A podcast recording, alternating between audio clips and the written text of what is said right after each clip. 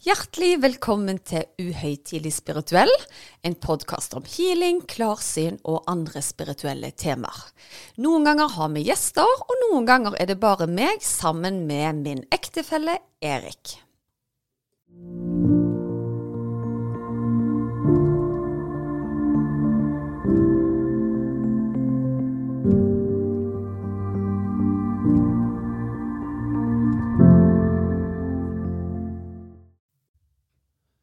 Ja, eh, da var vi tilbake igjen. Godt nyttår. Godt nyttår 2022. Ja, jeg følte det ble, kanskje ble litt falskt, som om vi ikke har sagt godt nyttår til hverandre, men ok. Du, vi møttes i dag med for, Ja. første, for første gang i Kan bli tilbake igjen i kjelleren din. Ja, ja. det hørtes litt sånn ut. Men vet du hva, nå håper jeg virkelig at lyden er perfekt i 2022. Vi har vært litt sånn glidende i den lydkvaliteten, på tross av godt utstyr. Ja, og det starta jo ikke akkurat med godt utstyr. altså Det første utstyret vi hadde, var jo en liten mikrofon med, med heiv inn i PC-en, og glassene klirra på kjøkkenet der. Jeg fikk faktisk tilbakemelding av min mor i, eh, i klassen til, til Wander, som sa å herlighet, det høres ut som dere sitter på kjøkkenbordet, liksom, så kult. Jeg bare Vi sitter på, på, på kjøkkenbordet. Men nå var det jo sånn at den første episoden vi lagde i 2021, den skulle jo aldri bli sendt. Det var jo bare meg og deg som fant ut at å, dette er jo litt gøy. Ja, vi gjør sånn som når vi var barn. Vi tar opp på ja, ja. Ja. Det var jo, det var jo egentlig det. Eh, også, men baktanken var jo at vi ønska å lage en pod om healing og spiritualitet. Og jeg hadde jo fått en intuisjon på at uh, dette her var viktig å sette i gang med. Og så spilte meg og deg den inn, og så hadde jeg en samtale med en venninne på kafé, hvor jeg da sier til henne at vet du hva, jeg og Erik vi har tenkt å starte en podkast. Hun vet bare så spennende. Jeg kjenner ei som faktisk driver en ganske sånn stor eh, podkastplattform. Skal jeg høre med henne om dette er et bra utgangspunkt. Så tenkte jeg ja, du kan jo det. Og så jeg sendte jeg det over til henne, og så får jeg en tilbakemelding av henne at eh, nå må ikke du bli fornærma med at hun vil forandre på en del ting, eh, for, for at liksom, det skal være kvalitet for lytterne, da. Eh, så jeg vil liksom bare Jeg vil gjerne gjort det sånt og sånt og sånt, og sånt, og selvtilliten min bare dalte allerede da. Eh, så sier hun men jeg er jo ingen ekspert, men eh, vær klar over at det mest sannsynlig kommer til, til å skje. Så sier jeg ja, men herlighet, dette skulle jo aldri bli sendt, må vi kanskje gå inn og kvalitetssikre det litt, da. Men så vi sender sende den over, og så får jeg eh, en telefon fra henne at eh, Vet du hva, Susanne, ikke forandra noen ting. Hun syns han var kjempebra innholdsmessig, men selvfølgelig lydkvaliteten den kunne vært bedre. Men om meg og deg da aldri planlegger eh, en pod, så kunne vi jo ikke spille den på nytt. For, for det blir jo liksom litt feil. Ja, det er sant det. Men dette med lyd har vi jo fått tilbakemeldinger på, og vi har jo investert og investert i nyere og nyere opplegg. Og eh, det første vi gjorde var jo å ha egne mikrofoner, og det morsomme da var jo at eh, vi fant ut vi er ingen lydfolk. Det er vi ikke. Det, er tydeligvis ikke bare topputstyr som eh, gjelder, for å si det sånn. Men du har vel kanskje kommet til konklusjonen du òg, at når jeg er i nærheten av teknologi, så er ting litt vanskeligere enn med van vanlige folk. ja, Og det har vi faktisk fått bekreftet fra andre steder òg, og det skal vi komme litt tilbake igjen til senere. Ja. Men for deg som hører på, eh, om du ikke har oppdaget det til nå, denne episoden er en slags årskavalkade av første sesong som vi hadde. Jeg tror det kan være viktig å oppsummere litt hva vi har opplevd, hva vi har lært, hvor podkasten skal gå videre, ikke minst. Ja, ikke sant? Så, men uh, fortell litt. Grann. Altså, det starta jo med at jeg sier uh, noe så lignende som Susanne, jeg har alltid syntes at du skal skrive en bok, men det har ikke du lyst til. Fortell.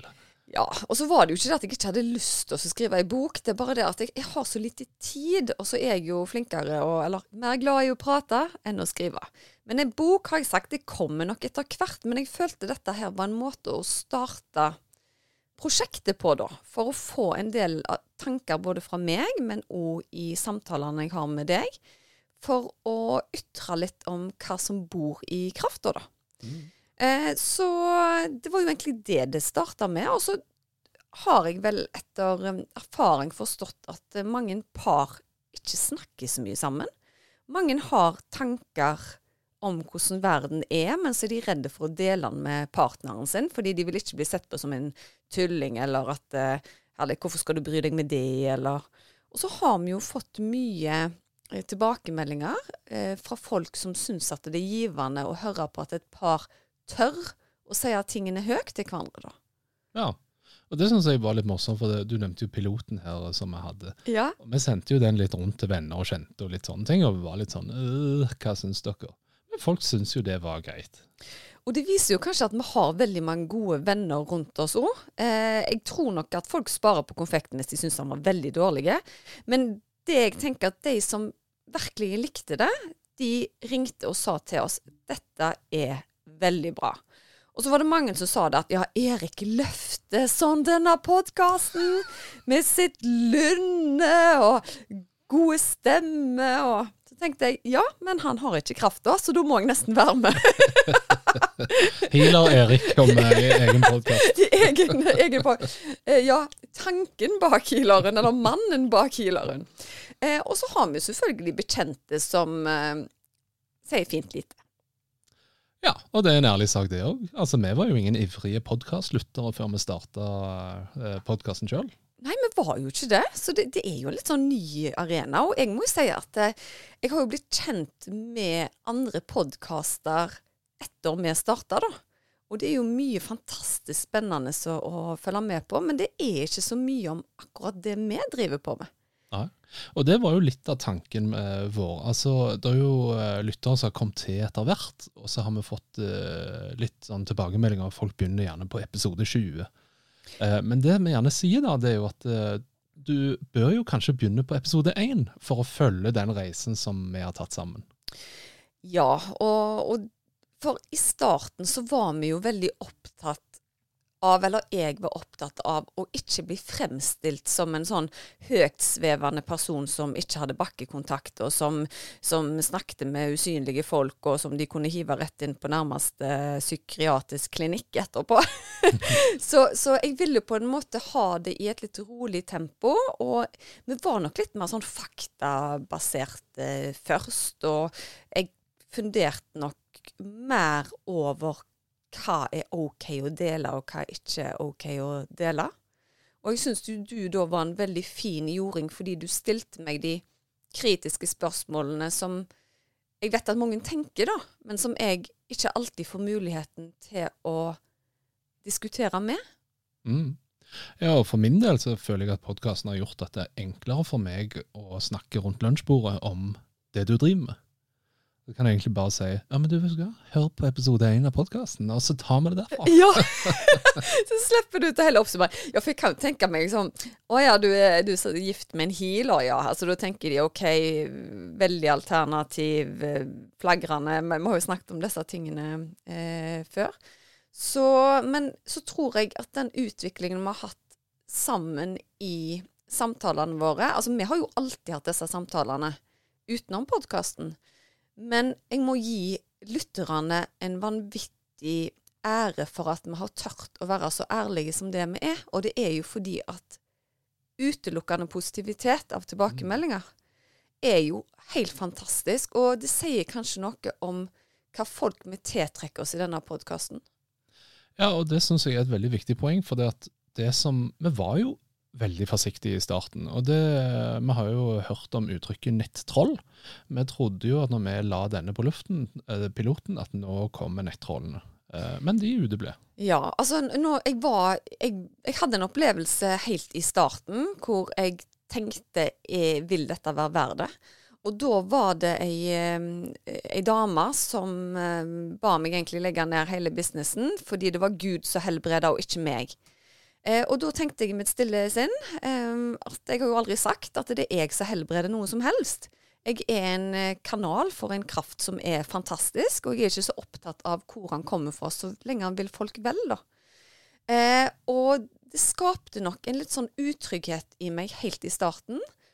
Men igjen så har folk vist meg så enorm støtte, tillit. Det har vært så mye kjærlighet der ute at jeg kunne jo ikke slutte med en gang vi hadde starta.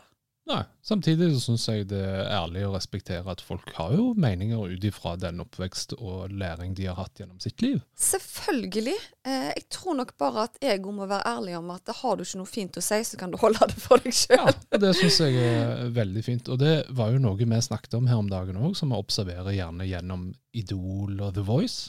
er jo at de første sesongene av Idol det handla vel egentlig om å drite folk litt ut, men nå snakker folk hverandre opp. Og det er jo en utvikling i samfunnet generelt, syns jeg, som er veldig kjekt. Vet du hva, eh, ja, jeg, sånn som jeg sa til deg, det at nå har jeg sett litt sånn junk-TV, så jeg kaller det sånn litt reality og sånn eh, i, i julen, bare de skal slappe av. Og jeg merker altså en helt ny holdning til hverandre. At eh, har du ikke noe fint å si, så holder du for deg sjøl. Og jeg er helt sikker på at det er regissert litt på forhånd, at eh, det er ikke sånt vi lager TV lenger. Fokuser på deg og ditt. Eh, har du noen formeninger negativt om andre, så skal ikke det fram i lyset. Enkelt og greit. Men så har det jo kommet et par medieoppslag gjennom disse podkastene. Og eh, vi får jo ofte henvendelser om vi kan delta på andre sine podkast, og det agerte du på. Eh, og så våkna jeg jo da til, eh, til Adresseavisen og sitatet Healer Susanne fikk singelkrisa til å begynne å gråte. Ja. Snakker vi hverandre opp her, eller? Vet du hva, eh, den eh, tittelen der eh, kan jo høres veldig negativ ut, men det var det at hun ble rørt, altså. Eh, akkurat det intervjuet der eh, ble helt annerledes enn det jeg hadde sett for meg i, i starten. Det er jo ofte sånn når vi skal være med på, på en annen podkast og har en, en formening på forhånd at uh, nå skal jeg dele noen gode råd om hvordan du kan komme enda mer i kontakt med deg sjøl og finne den store kjærligheten. Men det jeg glemte, at uh, i andre sin podkast er det de som har regien, og ikke jeg. så hun var jo mye mer opptatt av altså hvordan mitt liv var som singel, og litt sånt. Ja, det er jo veldig lett for deg å si som jeg har det perfekt i ditt forhold, og sånn. Og så ble det egentlig til litt sånn klagesang over min egen eh, singelhet, og at meg og deg At det var ikke sånn rett fram med meg og deg heller, for vi brukte jo tid på å, å bli trygge på hverandre. Eh, men samtidig så tenker jeg at det er fint for ingen er perfekte. Det er ikke sånn fordi at jeg er intuitiv, så idet jeg så deg, så var det bare Yes, det er han jeg har venta på hele livet, og nå skal meg og deg ri inn i solnedgangen. Og vi svevde over gulvet til øynene. Ja, men det er så fantastisk! Vi gjorde det til slutt! Ja, ja. Det. ja og det er jo eh, med på å forme hele singelkrisa. Og så det jeg sa til henne, da, som jeg gjerne kanskje ikke skulle ha sagt, men jeg, jeg sa i hvert fall det at uh, hun mangler den biten av seg sjøl som gjør henne komplett. Eh, og det var noe der som traff henne veldig. Og så sa jeg vel det at eh, i livet så er det viktig å manifestere det vi ønsker å ha, kontra det vi ikke ønsker. Og det at du kaller sin podkast 'Singelkrisa', det forstår jeg, fordi vi alle som er single og ønsker å finne noen del av livet med, eh, ser på det som en krise. Men da sa jeg kanskje du skal endre tittel til noe annet som gjør at du heller kan tiltrekke den rette partneren. da. Men jeg skjønner jo i, forhold til et markedsføringsperspektiv, så er det jo fengende. Og hun har mange lyttere som er i en krise, så jeg skjønner at hun vil bygge videre på navnet hennes. Altså. Ja, det er sant det. Men så var du i en annen, Lila Life. Da Uh, ja. ja. og vet du hva? Hun er bare et nydelig menneske, altså. Uh, det, er, det, er, rart, for det er noen mennesker du snakker med én gang, og så føler du at du har kjent dem alltid.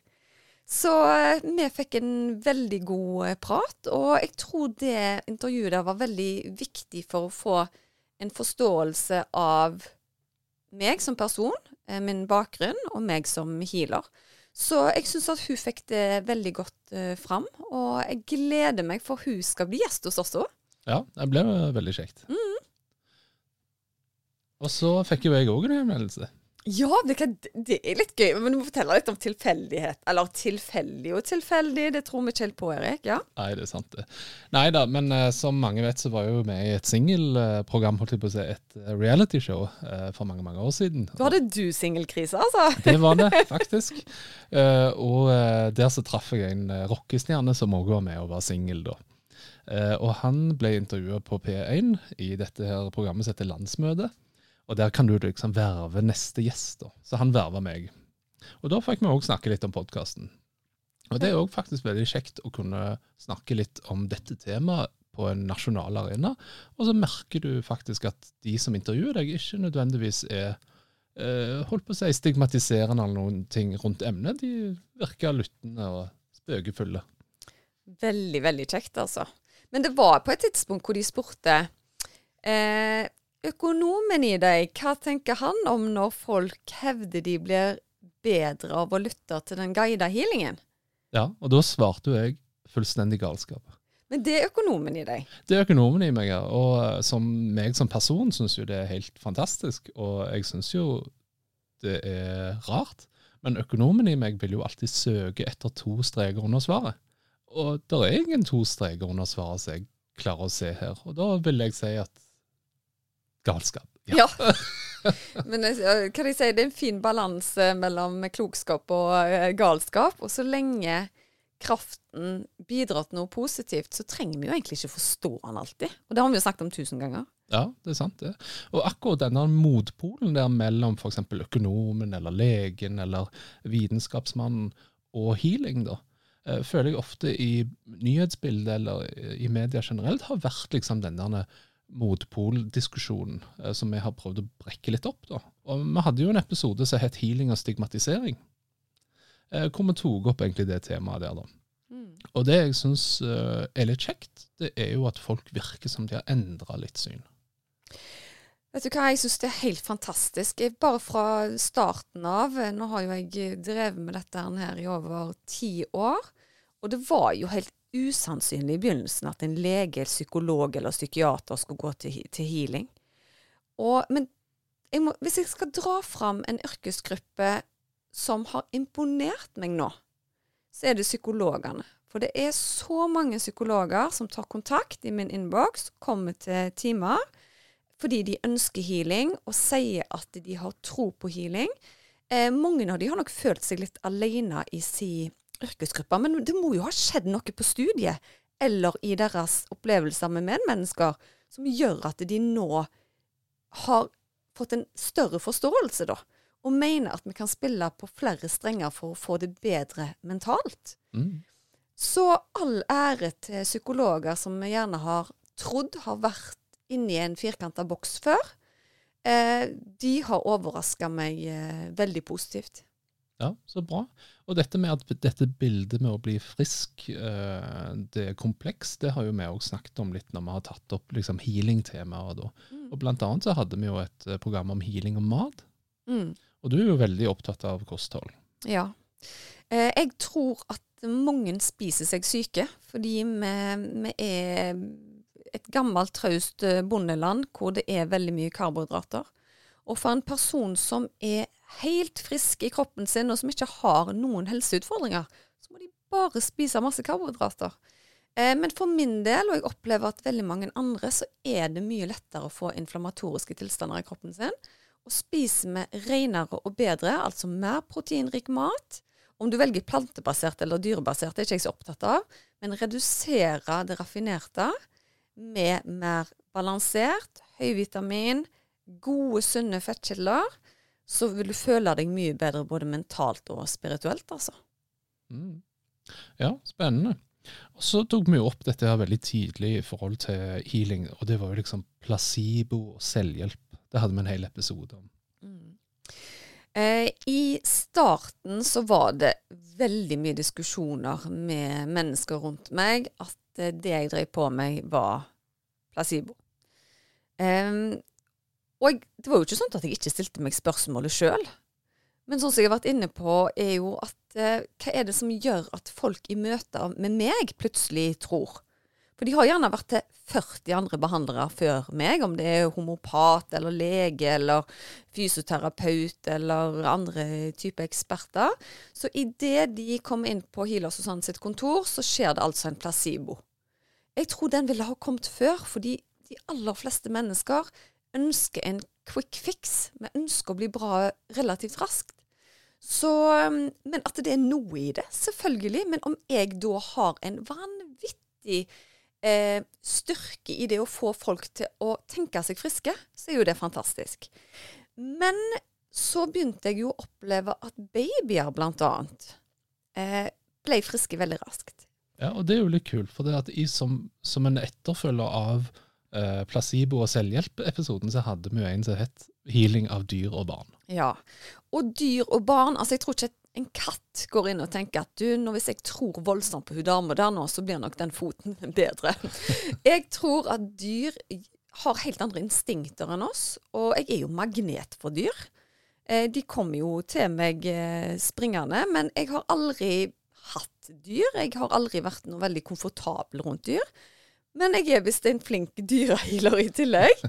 Eh, hester er annet et eh, dyr som jeg alltid har likt, og som jeg føler en connection med. Men ellers så har jeg aldri vært noe spesielt rolig eller avbalansert rundt dyr, da. Men det har kanskje noe med oppvekst å, å gjøre. Jeg har ikke blitt vokst opp med, med dyr hjemme. Eh, men det jeg opplever, eller når jeg healer dyr, er jo at det ofte skjer en veldig kjapp healing, altså. Mm. Eh, men nå har jo jeg hatt så enorme fulle ventelister at jeg har ikke kunnet fått prioritert det så mye som jeg skulle ønske. Men er det klienter av meg som er veldig nær og kjær sine dyr, og spør meg, så hender det at jeg eh, hjelper ja, så bra. Og det har jo jeg òg sett eksempler på, at det kommer først bilde av en deprimert hund, og så etterpå så hopper han og danser. Eh, ja. ja, det var jo veldig veldig søtt da hvis de har hatt en hund som ikke har gått ut forbi dørene på et år, og så ringer de healer Susanne, og så plutselig står han og logrer og skraper på døra. Og det er jo fantastisk. Og jeg forstår ikke hva som skjer, men jeg har tillit til at mine fantastiske hjelpere gjør den jobben de skal for meg, da. Mm. Eh, og det er ikke sånn at det ikke krever noe for meg, for det, det gjør det. Alt er energi. Um, men ja. ja. Men det er litt interessant, for at, uh, vi hadde jo òg en episode om faktisk guider og usynlige hjelpere. For en struktur du har i dag, Erik. Altså, jeg, jeg, helt utrolig. Sesong ja. to starter med et brak. Ja, men, men altså, jeg ble så imponert over hvor jeg ble samkjørt med, med Så jeg er imponert nå. ja. Men nå har jeg jo vært på P1, så jeg lærte altså så ja, mye. Ja, på de ti minuttene. Ja, fantastisk. Men ja. guidene, ja? Ja.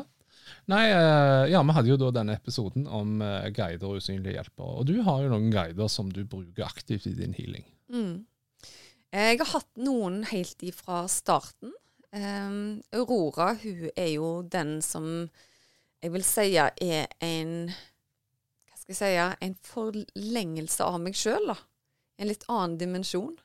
Og i de første episodene så gikk jeg vel ikke helt i dybden på hvem hun egentlig var, fordi jeg var ikke tydelig Altså jeg var ikke klar for å dele alt jeg visste, da. For jeg visste ikke hvor mottagelig lytteren var for det. For det er jo ikke sånn jeg har patent eh, på vet. Jeg må jo bare prøve meg fram og kjenne etter hva som føles rett.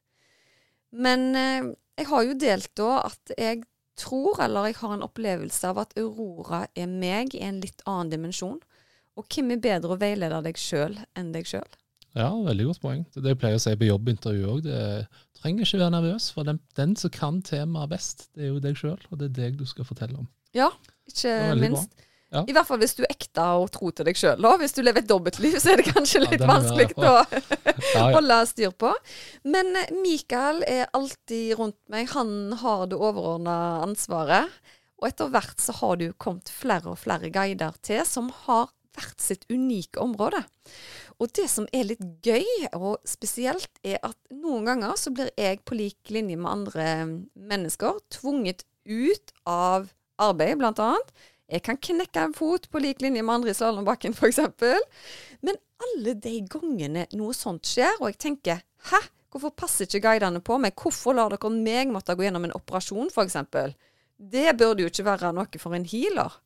Da utvikler jeg meg på et helt nytt nivå, og det er som regel nye hjelpere som kommer til.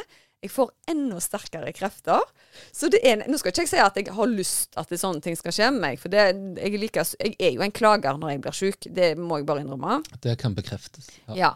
Eh, jeg har, Erik, du er jo den typen hvis du har vondt i hodet, så sier du det én gang, og så kan du si en uke etterpå at jeg har fremdeles vondt i hodet. Mens jeg må gjenta det, for jeg er ikke vant. vant med at det varer. Så da er jeg litt redd for at du ikke skal vite at det fremdeles er det. Mm -hmm. uh -huh. ja.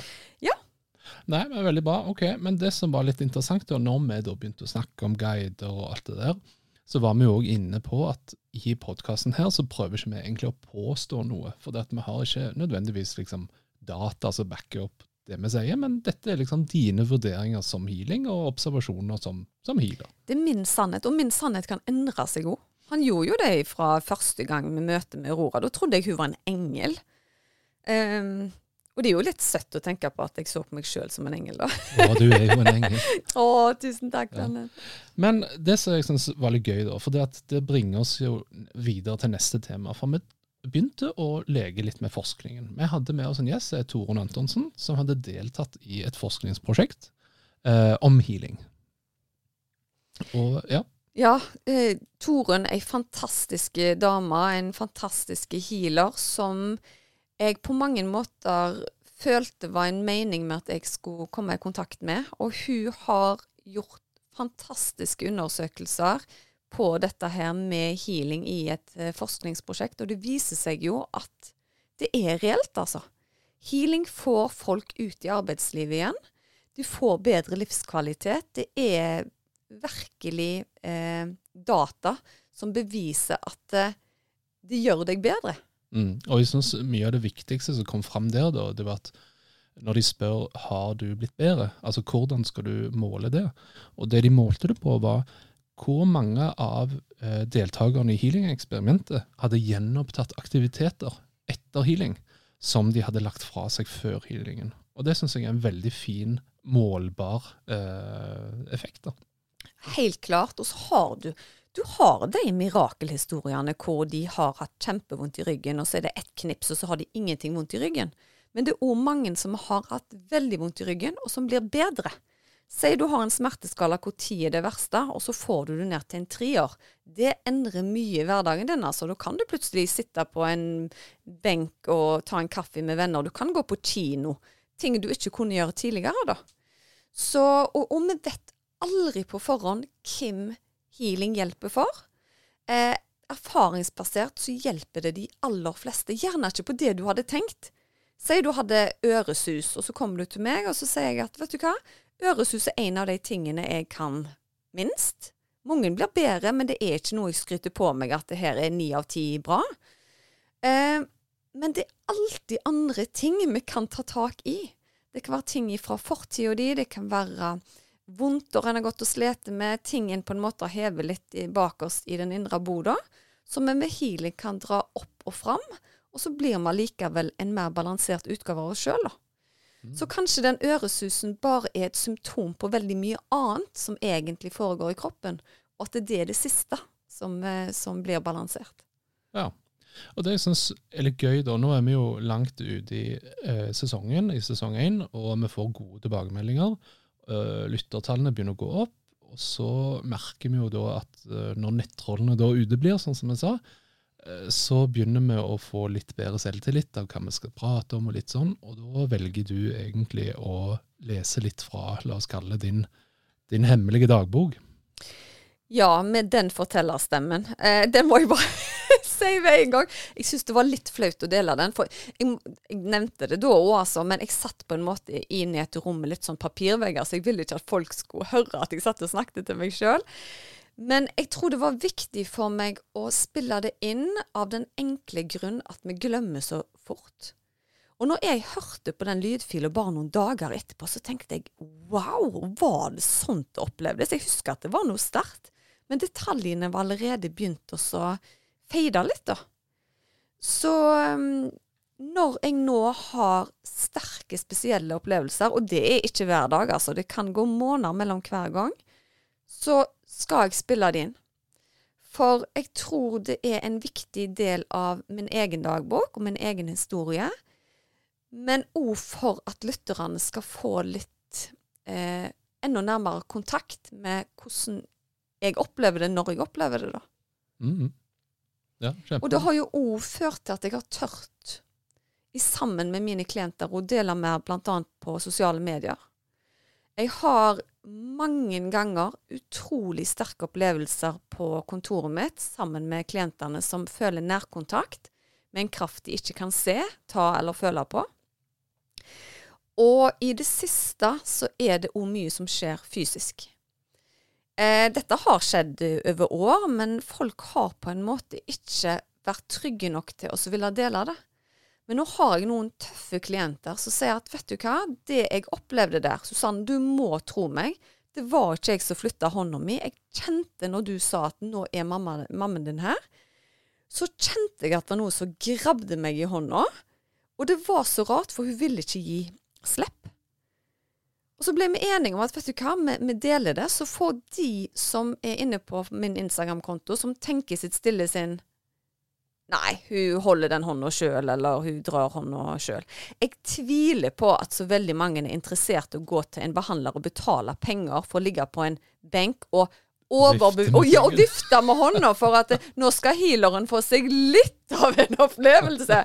Det blir for teit. Og alle de jeg deler på Instagram og sånn, er betalende klienter. Dette er ingenting sånn uh, for free, altså nå skal vi legge det ut. Uh, så det er bare tøffe folk som ønsker å dele. Ja, så de òg har gitt godkjennelse på at du kan legge Ja, ja, ja jeg, jeg, jeg, vet ikke, jeg har så mye videoer, mye, mye mer crazy enn det dere har sett. Men det er, det er veldig privat eh, å dele, og det er få som ønsker å gjøre det. Selv om jeg føler at det nå har blitt eh, mye mer rom for å gjøre det. Mm. Ja. Men, Men, uh, men du Erik, når jeg viser deg disse videoene, så er du litt sånn. Ja, altså, jeg ser jo den videoen. Jeg har ikke vært i rommet og kjent på energien når du valgte å ta opp kamera og, og filme. Så jeg får ikke den følelsen som du gjerne får når du viser videoen. Det er sant, det. Men, men eh, da, Se at du da var en følger av meg på, på Instagram. Hva er det du tenker da når du ser den videoen, f.eks.? Jo, eh, altså jeg ser jo en person som ligger på benken din på kontoret, og så beveger på hånden. Og så er det av og til et par unaturlige bevegelser som blir gjort, som du normalt sett ikke ville tatt hånden eller foten i. Mm. Og det er jo klart at uh, det virker jo rart. Eh, men eh, sånn umiddelbart så tenker ikke jeg at det liksom Wow. Eh, men det syns jeg eh, Jeg har jo sett andre videoer hvor det er litt mer wow. Så jeg håper jo at uh, det kommer mer og mer crazy uh. Ja, vet du hva, så, så dere klienter som kommer til meg, ønsker dere at jeg skal filme noen opplevelser når dere vil dele det, så gi meg heller, eh, heller beskjed. Og så, så må jeg òg si det i den forbindelse at det, selvfølgelig når vi ser sånn på Instagram, så tenker vi jeg vil at min pappa eller min mamma skal holde meg i hånden. Det skjer mest sannsynlig ikke. For det er veldig sjeldent at det skjer. Men jeg ønsker derfor at folk skal ha minst mulig forventninger om det, fordi det er ikke sikkert at det er i din healingplan, da. At det er det du skal, skal oppleve. Og jeg har jo søsken som går til meg, hvor den ene blir holdt i hånda av mora, mens den andre kjenner mye mer en tilstedeværelse i krafta. At du kjenner på en måte en bølge av en omfavnelse fra den andre sida, da. Så det er jo veldig ulikt hvordan mora viser seg til to søstre. Og det syns jeg er veldig eh, fascinerende. Men det ser du jo på uh, veldig mange folk. Altså, du er jo en klemmer, Mm. mens jeg er gjerne en prater. Uh, og det kan jo godt være at uh, den andre siden henvender seg på den måten du er mest komfortabel, da. Helt klart. Og så har jeg jo vært inne på flere ganger at det er noen som kommer til meg, og så sier de det at eh, jeg har så lyst til å få kontakt med sønnen min, eller datteren min som er døde unge. Og da er det jo forferdelig å være den som skal formidle et budskap når jeg ikke får noe. Og jeg har så lyst til at de skal få oppleve det som veldig mange andre opplever. Men nå er jo ikke jeg et type medium som du går til kun som medium. Jeg blir medium hvis kreftene rundt meg mener at det er viktig for din healing. Og da vil jo den si ja, men det er jo kjempeviktig for meg at jeg får kontakt med min sønn eller min datter, f.eks. Men det er det altså ikke jeg som styrer. Eh, og det kan være at du rett og slett ikke er klar for det akkurat nå. At det tiden kommer ved en senere anledning. At det blir gjøre mer skade enn forbedring, da. Ja. Men så skjedde det noe som vi ikke nødvendigvis var så forberedt på. For det kommer altså meldinger om at folk eh, opplever at de mister Eller at de, de blir bedre av eh, plagene sine av å lytte på podkasten. Ja, og det, viser jo egentlig mye av det jeg har sjøl prøvd å forstått, at healing har ikke på en måte tid og sted og rom. kraften går der han skal, hvis at du ønsker å ta imot den, da. Mm. Og det medførte jo at vi lagde en egen episode hvor du hadde en guida healing. Og det tok vi helt på direkten, altså. Og, og, nå har jo jeg et sånn spesielt opplegg som jeg gjør, eh, gjør på kontoret, både eller på telefon og på kontoret, og det er veldig likt. Jeg har på en måte den samme regla som jeg starter med alltid. Eh, og jeg kunne sikkert sagt noe helt annet, men det er bare min måte for å bruke den tida jeg skal for å komme inn i den rette dimensjonen for deg, eller rette frekvensen for, eh, for, deg. Men akkurat den gangen der så fikk jeg kanalisert en enorm kraft. Og jeg følte det i hele rommet når vi lagde noe. Eh, hvordan var det du opplevde det når jeg lagde den? Jo, altså jeg følte jo Jeg satt jo her i stolen min og lukte øynene og, og følte vel egentlig at jeg følte meg veldig liksom, Batteriene var lada. Akkurat som jeg liksom Jeg satt ikke tungt nede på stolen. Jeg følte liksom jeg satt så lett. Akkurat som jeg svevde litt over stolen. Altså, det var veldig fint. Ja. Og den eh, healingen eh, vi la ut, som alle dere kan høre på, han ligger vel ute på er det episode nummer 24-2 eller et eller annet sånt, bare en ti minutters tid, så er tilbakemeldingene helt sinnssyke. Men så hadde jeg da eh, mor mi, blant annet. Hun var litt skuffa fordi det var så mange hun hadde snakket med som Det var fantastisk healing til Susanne. Så lå hun der, så kjente hun ingenting. Og da ringer jeg mor til datter og sier at du Det virker ikke. Ja, hvorfor virker ikke denne på meg? Jeg er dritdårlig akkurat nå, eller jeg husker ikke helt hva det var. Men det jeg gjorde da, var at jeg sa OK, mamma, nå hører du på den, så skal jeg koble deg opp imot den. At jeg tenker på deg mens du hører den. Så ringer hun opp igjen. Nå var det noe helt annet. Så noen ganger så er det bare litt sånn eh, småjusteringer som skal til. Så eh, ja, jeg tror eh, at det funker i det store i plenum. Men så er det jo noe med det å få healingen direkte som er tilpassa akkurat det gode, altså. Mm. Men, men, kraften, den er fantastisk. Og det er mange som sier at det har vært nok å bare lytte til den. Ja, og det var jo veldig gøy. Vi hadde jo en egen episode hvor vi oppsummerte virkeeksperimentet. Og så mange mail og alt vi fikk. Vi ble jo helt blåst av banen. for Utrolig kjekt at vi kunne påvirke så mange liv på en positiv måte. Ja, og så er det jo sånn nå at eh, jeg har jo hatt den samme ventelista siden 2009, og den blir ikke mindre. Og så skrøt jeg på meg at jeg skulle legge ut på online-booking. Jeg eh, hadde jo en dato for det. Folk fikk på nyhetsbrevet at nå legges det ut. Og for hver time jeg åpna, så ble den booka. Så jeg tror i løpet av én time så var alle timene revet vekk. Eh, og jeg er bare et menneske. Jeg kan bare ta en så og så mange. Og det er så mange som er skuffa fordi de ikke har fått eh, time. Og jeg får daglig SMS, e-post, på Instagram om jeg bare kan tune meg inn på deg. Jeg skulle sånn gjort det, men jeg har ikke kapasitet. Og det er derfor jeg òg henvender meg på denne podkasten. For jeg har lyst å hjelpe mange, mange flere enn det jeg klarer i dag. Så må du vente på time, prøv å være tålmodig. Jeg gjør under det jeg kan. Og noen ganger så blir det utsettelser. Jeg har barn, jeg har familie, ting kan skje. Men vi skal få dere inn etter beste evne. Eh, og så er jeg i gang med å planlegge flere direkte healinger som jeg kan legge ut på hjemmesida mi. Da blir det et litt annet opplegg, for det krever mer av meg. For jeg vil prøve å tilpasse healingen etter forskjellige symptomer. F.eks. har du hodepine, så kan du laste ned eh, denne. Eh, jeg er allerede i en dialog med mine guider og hjelpere om hvordan det skal utarte seg, og jeg tror det kan bli veldig bra som et alternativ for dere som gjerne ikke får time hos meg direkte. Mm. Så konklusjonen på sesong én var jo at dette er noe vi ønsker å fortsette med.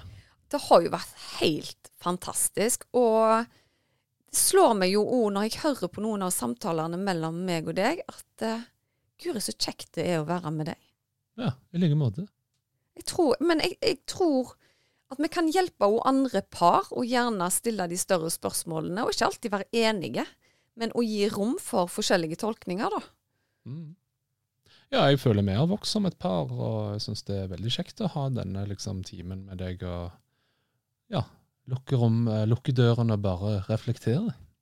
Ja, for det er jo ikke alltid så mye tid i hverdagen. Og vi, vi er jo, altså meg og deg er jo Netflix-junkier, vi altså. Men vi prøver da mellom hver episode å snakke om litt andre ting òg. Og det tror jeg er viktig at parene av og til, eller ikke bare par, men venner, familie, skrur av TV-en i ti minutter mellom en episode og hører litt om hvordan har du det egentlig som person.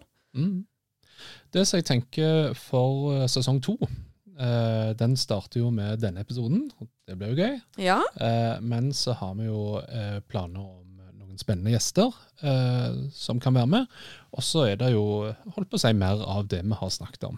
Og dersom folk ønsker, så kan de jo alltid sende melding på Instagram eller på mail eh, om temaer de ønsker at vi skal ta opp. Det er fantastisk hvis dere gjør det, for det vil alltid være ting vi på en måte gjerne tar som en selvfølge at vi har Mm. fordypt oss i, mens dere mener vi kan gå enda dypere inn det.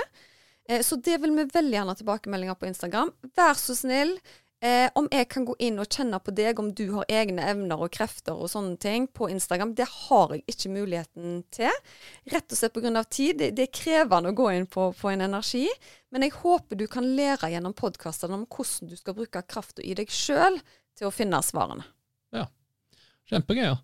Med det så tenker jeg vi avslutter denne første episoden. Tusen takk for at du hørte på, og jeg håper du blir med oss videre i sesong to. Det blir så mye gøy, og 2022 skal jaggu meg bli året, altså. Ja, kjempebra.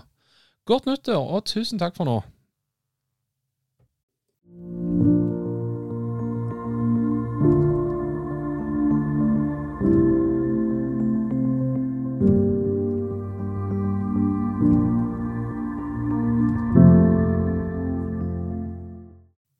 Visste du at du kunne ta kontakt med meg hvis du ønsker å få satt opp en personlig healingplan? Da er det bare å kontakte meg via Instagram eller på e-post, så gjør jeg det helt kostnadsfritt. Da er det mye lettere å vite hvilken healing du skal velge, til hva tid du skal bruke den, og over hvor mange uker du bør benytte deg av dem. Gå inn på healersusanne.com.